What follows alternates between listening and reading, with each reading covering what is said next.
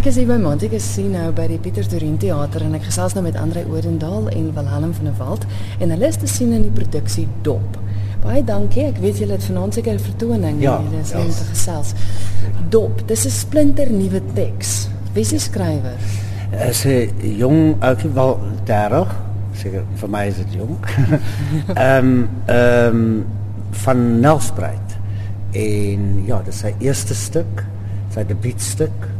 Uh so so wyn die hele tyd sê dit is sy world premiere, sy wêreldpremiere in sy stuk. En ja, Kosie het hom ontdek deur 'n kompetisie te loods vir jong skrywers en hy het sy verskyning gemaak en baie baie goeie stuk werk. Sy naam is Retief Skolts. Waaroor gaan dit?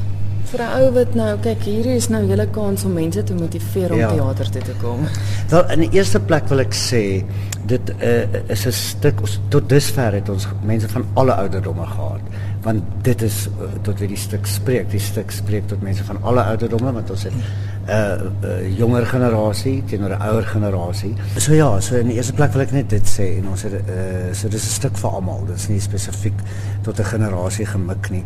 Uh, en dit gaan oor uh, die verskille tussen die twee generasies maar ook die aanknopingspunte tussen die twee generasies en vir elke elkeen van ons vertel ons eie storie in 'n klein kroeg een aand uh, my karakter se verjaarsdag Frank skrikkeljaar kind probleme as gevolg daarvan en hy kom chat met die jong ouetjie in die kroeg en so uh, kom hulle bymekaar uit in die loop van die aand Jy's so baie alleen karakter. Jy het nie regtig eintlik mense in jou lewe nie en dis ook die ek meen jy's op jou verjaarsdag alleen in 'n kroeg. Dit sê alles.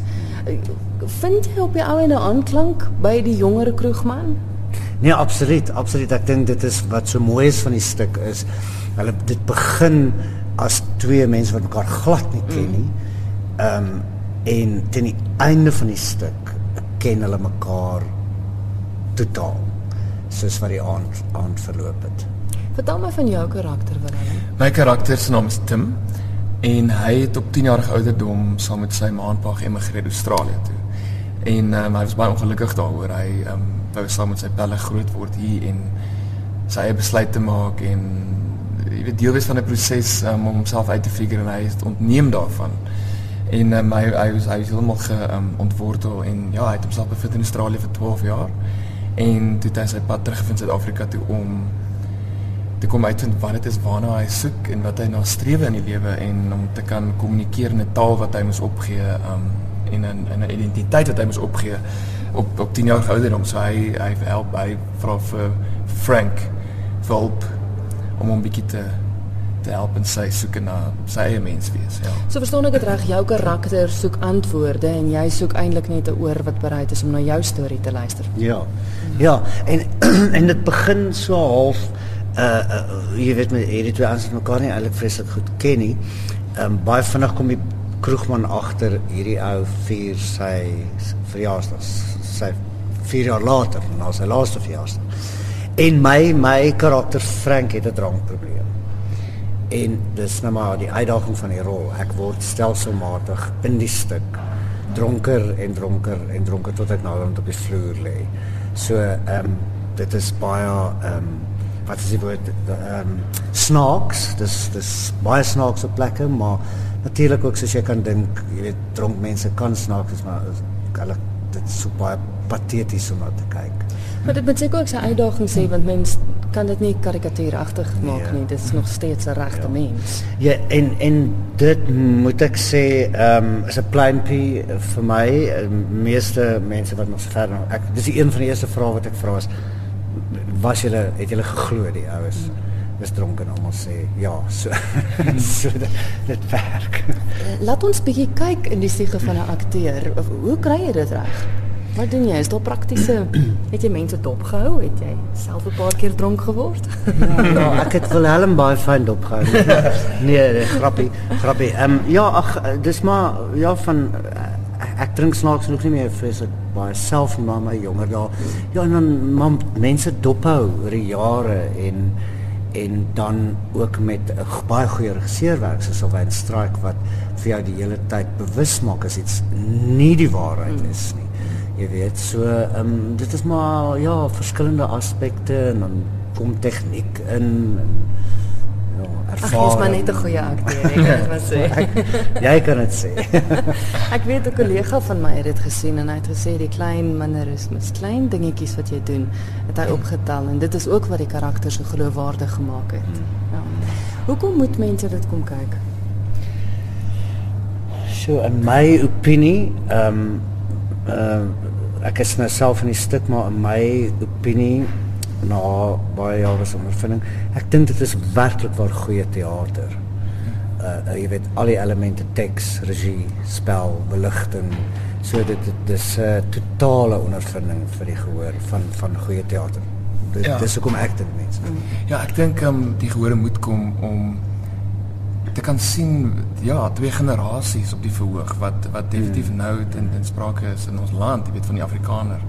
En ehm um, weet 'n man in sy 50s en 'n 'n jonger seun in sy 20s en hoe hulle dink en optree en hulle persepsies oor die land en en oor immigrasie en oor Afrikaans en oor kommunikasie en oor liefde. Ja, en ek dink almal almal baie mense sal definitief daarmee vriendselfig.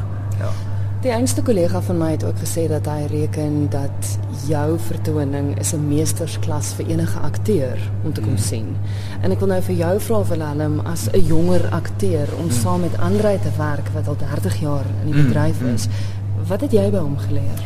Wel ja, ek het um, dit is my dis my eerste um, so in Engels sou sê two-hander wat ek ooit al gedoen het. En um, ek kan nie vir beter akteur gevra het nie. Ja, dit was van die begin af hierdie ongelooflike joyride en ehm um, net om te sien ek en ek ek weet en sy fokus en sy konsentrasie en sy dissipline al al speel hy 'n dronklap maar ja ek het hom um, ongelooflik en ek voel ongelooflik veilig saam met hom en dis 'n groot ding ehm um, vir vir al die neelspel op die verhoog ehm um, jy weet as jy as mens nie baie veilig voel so met 'n akteur nie dan ehm um, dan is dit totale uh, ja disaster. So nee, ek voel ongelooflik veilig saam met Andre en ehm um, ek leer met elke sou nog by hom. Ja. En ek gaan nou begin geld maak uit dronk acting klas. wow,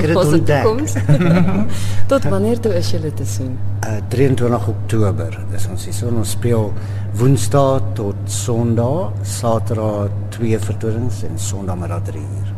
Nou, ek het al geleer in die jare wat ek die program doen is dat as jy die kans het om met akteurs te gesels, ek meen julle is al klaar weer besig met die volgende ding. Wat lê voor vir jou Willem? Ehm um, ek gaan eers bietjie naam toe. en dan is daar 'n paar teaterprojekte wat ehm um, voor lê vir die begin van die jaar en ook 'n kortfilm en verder het ek maar 3000 audisies al klaar weg doen op wag maar nog op projekte ja.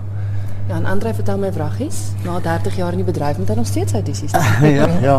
Wat sê vir jou voor? Ehm um, ek gaan as ons hier klaar maak begin ek regie doen op die volgende reeks van Swartwater mm.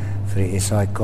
Baie baie goeie tekste en ek is verskriklik opgewonde daaroor. Ek speel ook 'n klein rolletjie in die reeks, maar dit is nou maar vir die volgende paar maande wat vir my voorlê, regie op Swartwater.